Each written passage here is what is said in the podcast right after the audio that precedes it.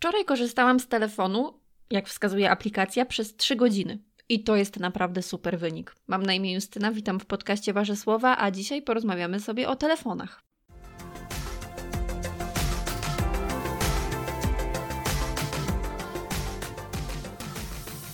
Dzisiaj może zamiast kącika kulturalnego zrobimy sobie kącik kronikarski, ponieważ akurat y, dzisiaj przez Polskę, przez część Polski przynajmniej przechodzi huragan Kiara. Mam nadzieję, że tak właśnie się nazywa i nic nie wymyśliłam. I właśnie patrzę sobie przez okno, jak drzewa się kładą, co chwilę jest jakaś nawałnica. Wspaniała, wspaniała pogoda. I tak mnie to przeraża, ponieważ ja naprawdę nie lubię takiej pogody, szczególnie w nocy, kiedy słyszę te wszystkie no dzisiaj była burza w nocy, dzisiaj po prostu była burza. Mamy luty. Że postanowiłam, że sobie to odnotuję w moim podcaście, bo dlaczego nie? Ale już przechodzę do, do rzeczy, czyli do kącika kulturalnego, którego z jakiegoś powodu cały czas chcę nazywać kącikiem kulinarnym, a uwierzcie, że nie chcielibyście mieć kącika kulinarnego przeze mnie prowadzonego. Przejdźmy do kultury. Chciałam zrobić takie podsumowanie stycznia, ponieważ styczeń był całkiem spoko, przeczytałam 7 albo 8 książek, troszeczkę nawet obejrzałam. Ale okazało się, że już jest 10 lutego i tak chyba trochę słabo podsumowywać teraz styczeń, skoro zaraz skończy się luty. Tak czy inaczej chciałabym coś powiedzieć, bo jednak trochę tych rzeczy się od początku roku nazbierało. Przede wszystkim chciałam powiedzieć, że chwilę temu właściwie przestałam, przestałam, skończyłam czytać prawie inne czasy Olki Tokarczuk i mój Boże, jakie to było fantastyczne, naprawdę. To jest chyba dziewiąta książka Olgi, Olgi Tokarczuk, po jaką sięgnęłam, ale jest absolutnie najlepsza do tej pory. Fantastyczna. Przede wszystkim ja autentycznie czułam się, jakbym żyła w prawieku. Jakbym obserwowała to z tego bzu wszystko. Jakbym widziała te wszystkie rodziny, znała je w jakiś sposób. Bardzo szybko się z nimi jakoś tak, no nie można powiedzieć, że zaprzyjaźniłam, bo niektórych szczerze nie lubiłam, ale było coś takiego, że poczułam się częścią tej wspólnoty i poczułam się taką mieszkanką prawieku, która patrzy sobie na to z boku i patrzy sobie na to z jakiegoś takiego punktu, w którym widzi to wszystko na przestrzeni czasu. Niesamowita to jest opowieść. Bardzo mi się podoba w stylu Olgi Tokarczuk, że pisze tak magicznie, bardzo ładnie, tak powiedziałabym nawet, że mi się to czyta nie tak jak prozę, tylko coś takiego bardziej miękkiego. Nie wiem, jak to określić. Natomiast mimo że to jest takie piękne, magiczne, dużo tam jest filozofii i wydawać się może, że to może być trudne w odbiorze, to jednak to jest napisane tak lekkim językiem, ale nie lekkim w stylu jakiegoś czytadła. Nie, nie, nie. Lekkim w takim sensie, że jest to naprawdę dostępne i takie przyjemne, nie męczące. Nie wiem, jak to opisać, ale prawie naprawdę ukradł moje serce. Co więcej, ja staram się nie czytać książek jednego autora tak raz za razem, żeby robić sobie przerwy, żeby się troszkę, no nie zmęczyć się po prostu, wiecie. Czasami co za dużo to niezdrowo, nawet jeżeli coś bardzo lubimy. I staram się robić przerwy y, w czytaniu Olgi Tokarczuk również. Natomiast wczoraj, kiedy skończyłam czytać prawiek, stanęłam przed półką, szukałam sobie jakiejś nowej książki, ale ciągle zerkałam na kolejne książki Olgi Tokarczuk, bo niczego innego nie chciałam czytać, więc y, teraz aktualnie czytam inne historie i już jestem, jestem już wkręcona. Ja nie wiem, co ja mam ostatnio z tym przekręcaniem wszystkiego. Oczywiście, że nie chodziło mi o inne historie, tylko o ostatnie historie. Uwielbiam Olgę Tokarczuk. Jak dobrze, że my mamy Olgę Tokarczuk, naprawdę. Także prawiek, prawiek i inne czasy, jeżeli nie czytaliście, to koniecznie musicie przeczytać. Fantastyczna sprawa, fantastyczna. Y, co do książek jeszcze takich styczniowo-lutowych, to w grudniu chyba, albo w listopadzie mówiłam, nie, w grudniu nie, bo mnie nie było. W listopadzie mówiłam Wam, że wróciłam do Tajemniczego Ogrodu i rzeczywiście tak było. Zaczęłam czytać, czytałam na czytniku, ale moja mama w styczniu znalazła w końcu książkę moją, Tajemniczy Ogród, którą dostałam w dzieciństwie, którą czytałam w dzieciństwie. Ja jej nie mogłam nigdzie znaleźć, ale oczywiście mama weszła, rozejrzała się i znalazła. Nie wiem, jak to się dzieje, to jest jakaś magia.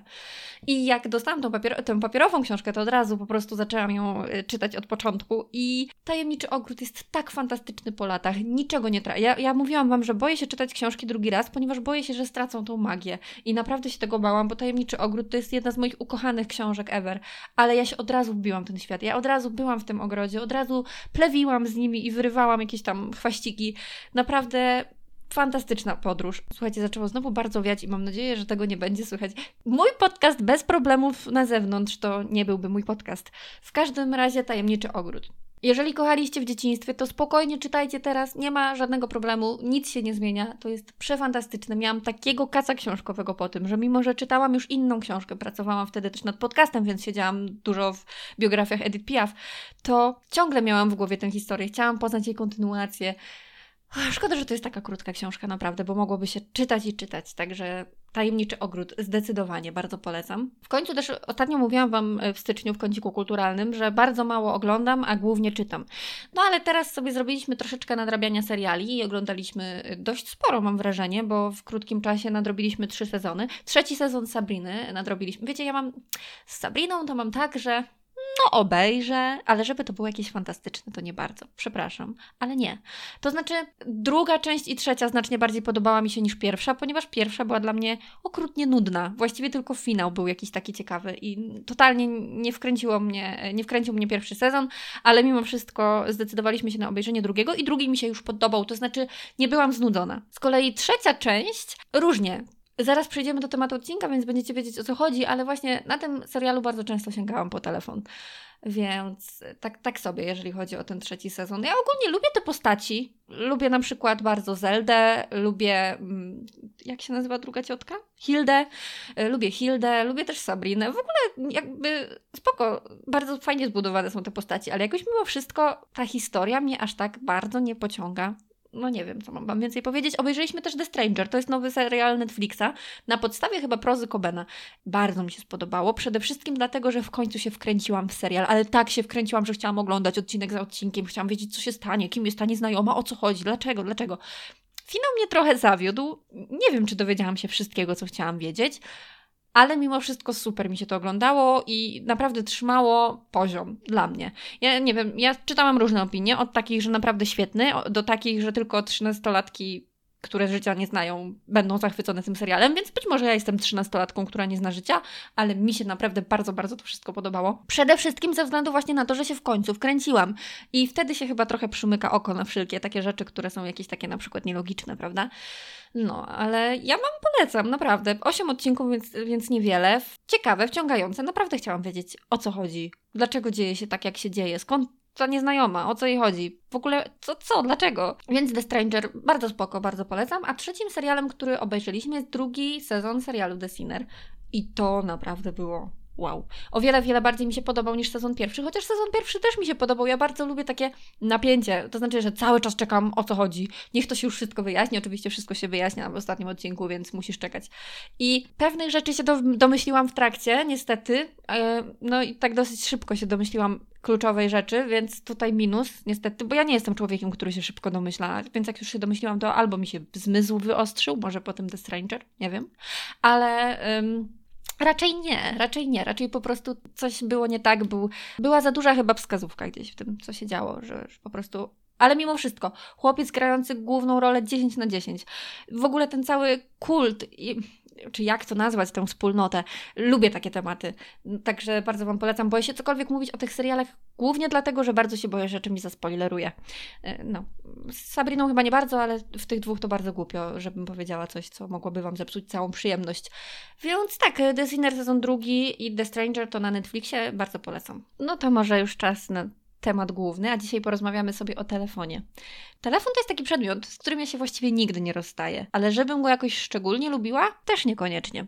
Mamy taki love-hate relationship. Wiecie od czego to wszystko się zaczęło? Zaczęło się od tego, że ja już Wam mówiłam, y, w najgłupszym stresie chyba, ewentualnie w któryś w którymś z pierwszych odcinków mówiłam Wam, że jak jestem bardzo zestresowana, to telefon jest takim moim odcięciem się od tych stresów. Jeżeli mój, mój organizm, bo zazwyczaj ja się nie czuję, nie czuję zestresowana psychicznie, tylko fizycznie. I jeżeli ja czuję, że mój organizm jest zestresowany, to naprawdę pomaga mi telefon. I pomaga mi to, że sobie coś tam pykam, robię i tak dalej. Tyle, że najpierw sobie sięgasz po ten telefon, bo się stresujesz i chcesz się odstresować i w takich momentach sobie gdzieś tam uciekasz, a później się okazuje, że już się wcale nie stresujesz, a dalej sięgasz po ten telefon ciągle. I to jest najgorsze. I to jest dla mnie największy minus tego wszystkiego. Ja się przez telefon nabawiłam FOMO. Teraz już z tym moim FOMO jest znacznie lepiej, ale naprawdę bywało, bywało nieciekawe i bywało, że wydawało mi się, że powinnam wiedzieć rzeczy, których absolutnie nie powinnam wiedzieć i które zupełnie nie zmieniały mojego życia ale naprawdę musiałam to przepracować i to nie było takie proste. Więc, żeby to miało ręce i nogi, to może właśnie zacznijmy od wad. Tak jak powiedziałam, kiedy się sięga po telefon po to, żeby sobie gdzieś tam uciec od natrętnych myśli, to wszystko jest fajnie. Tylko fajnie jest do momentu, w którym już tych natrętnych myśli nie ma, ale ty tak ciągle sięgasz po ten telefon. I bardzo trudno mi jest na przykład usiąść i obejrzeć dwa odcinki serialu bez w pewnym momencie sięgnięcia po telefon i sobie czegoś przeskrolowania, co jest kompletnie mi niepotrzebne, bo w ciągu tej godziny, kiedy ja będę oglądała te dwa odcinki, naprawdę nic się nie dzieje dzieje. Absolutnie nic. Ale gdzieś tam zgubiłam tę taką umiejętność skupienia się w pełni na tym, co robię, bo cały czas myślę o tym, że oho, minęło już tam, nie wiem, dwie godziny, więc powinnam sprawdzić telefon.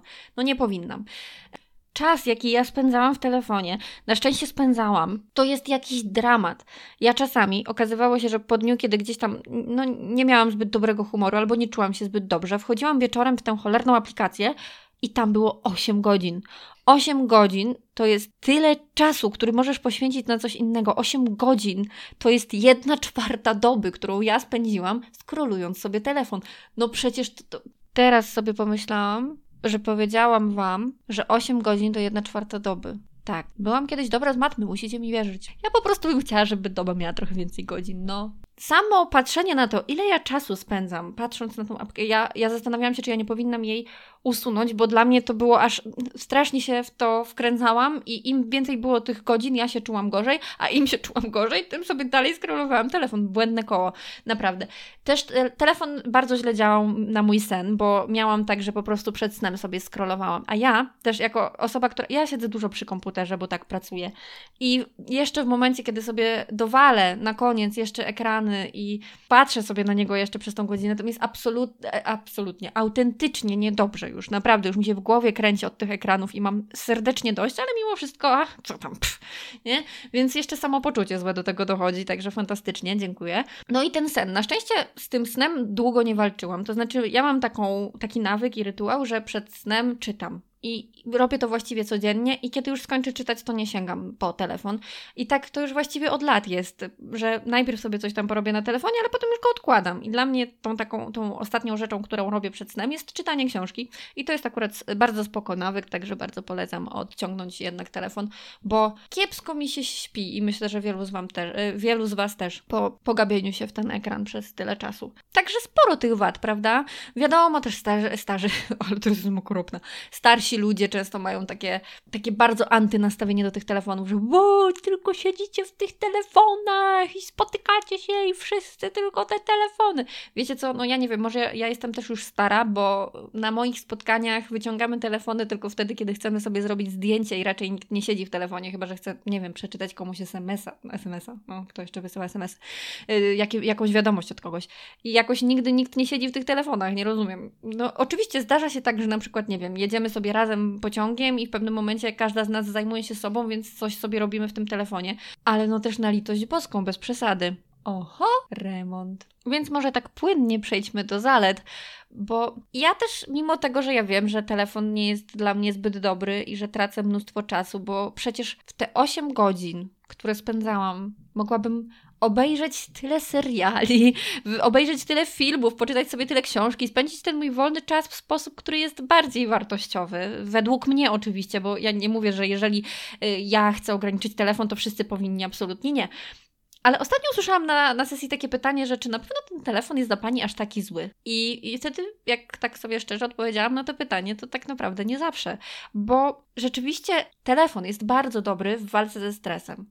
I ja, jako osoba walcząca z tym stresem bardzo, bardzo mocno, wiem, że ten telefon naprawdę pomaga, bo jeżeli jesteś maksymalnie zestresowany, to trudno się, nie wiem, zrelaksować czytając książkę, bo się na niej nie możesz skupić. A mimo wszystko gdzieś te jakieś głupie filmiki, czy tam memy, ja czasami na przykład bardzo, na bardzo długo się wkręcam w jakieś takie filmiki na Instagramie, gdzie ktoś robi paznokcie na przykład. No to totalna strata czasu teoretycznie, ale praktycznie tak się na tym skupiam, że naprawdę moje ciało odpuszcza wtedy pewne objawy stresu, więc, więc to jest bardzo okej. Okay. Zresztą, jak ja sobie spędzam te godziny na telefonie, to nie jest tak, że ja naprawdę przez tych 8 godzin, zaraz coś powiem jeszcze o tych godzinach, żeby nie było, przez te 8 godzin oglądam te paznokcie na Instagramie. No bo nie, bo w tym czasie ja sobie poczytam jakieś artykuły, które mnie interesują przy okazji, sobie coś przygotuję, jakieś tam, jeżeli na przykład robię podcast, to też sobie często siedzę dużo w telefonie. Mm, wchodzę sobie właśnie też na YouTube'a i gdzieś sobie jakieś wywiady z artystami oglądam, które mnie interesują, są moim zainteresowaniem. To nie jest tak, że tracę czas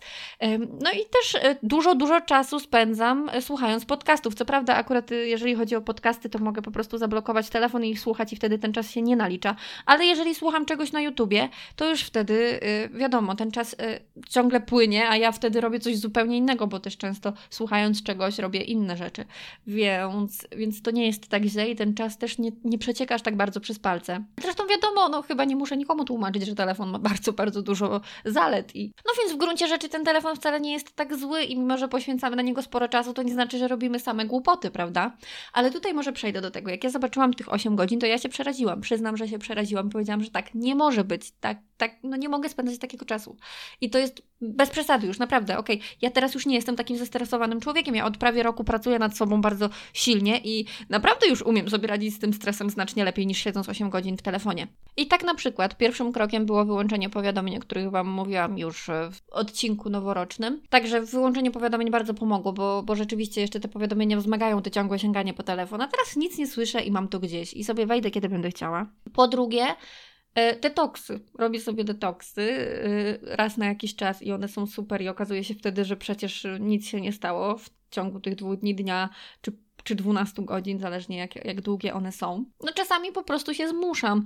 To znaczy na przykład oglądam sobie serial i w momencie, kiedy mam ochotę sięgnąć po telefon, to mówię sobie nie i po niego nie sięgam. I, i tyle.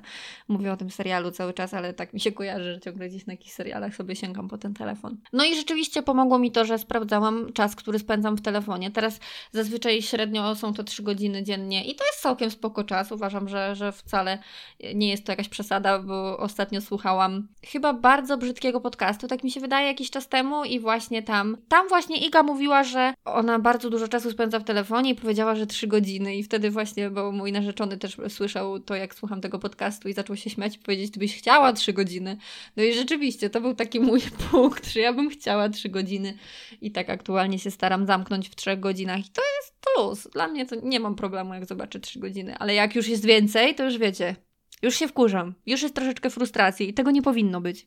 Telefon nie zawsze jest zły, pamiętajmy. No i przede wszystkim mam bardzo dużo filmów do obejrzenia, bardzo dużo seriali, które chciałabym zobaczyć i mam bardzo dużo książek, które chciałabym przeczytać. I jak sobie zerkam na te listy, które mam, jak zerkam sobie na moją półkę z książkami, jak zerkam sobie na moją listę na Netflixie, to wtedy wiem, że w ciągu tych pięciu godzin, które spędziłabym w telefonie w ciągu dnia, mogłabym przeczytać jedną z tych książek. I to jest dla mnie zawsze taki, taki moment, w którym sobie myślę, no kurczę, przeczytałabyś tę książkę, którą chciałabyś przeczytać, a masz tyle książek do przeczytania. Ja tutaj nie mówię, że wiecie, jakieś wyścigi są i chciałabym, nie wiem, muszę czytać jak najwięcej. Nie, ale po prostu tych książek jest tyle, a ja marnuję czas, więc, więc muszę coś wybrać, prawda? No, wolę poświęcić tych 5 godzin na przeczytanie książki niż na siedzenie w telefonie i zadałam, tak właśnie sobie zadałam pytanie, czy ten telefon rzeczywiście jest taki zły. I stwierdziłam, że nie, i nie ryję sobie tak bardzo głowy tym, że siedzę sobie czasami w nim dłużej, szczególnie jak jestem zestresowana.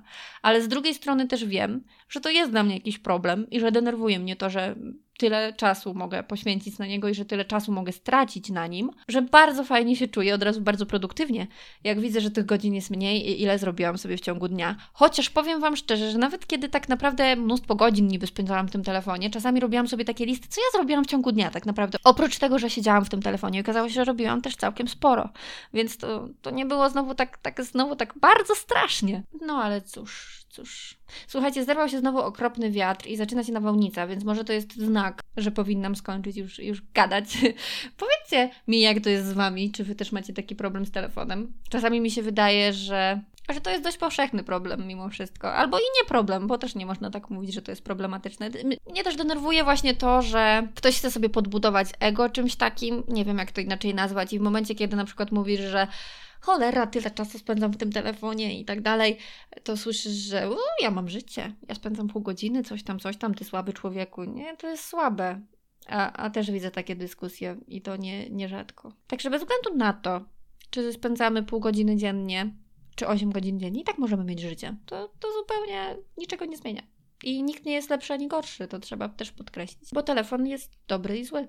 No i z tym Was zostawię bardzo mądrą, głęboką, filozoficzną myślą. Do zobaczenia następnym razem. Do usłyszenia. Do usłyszenia.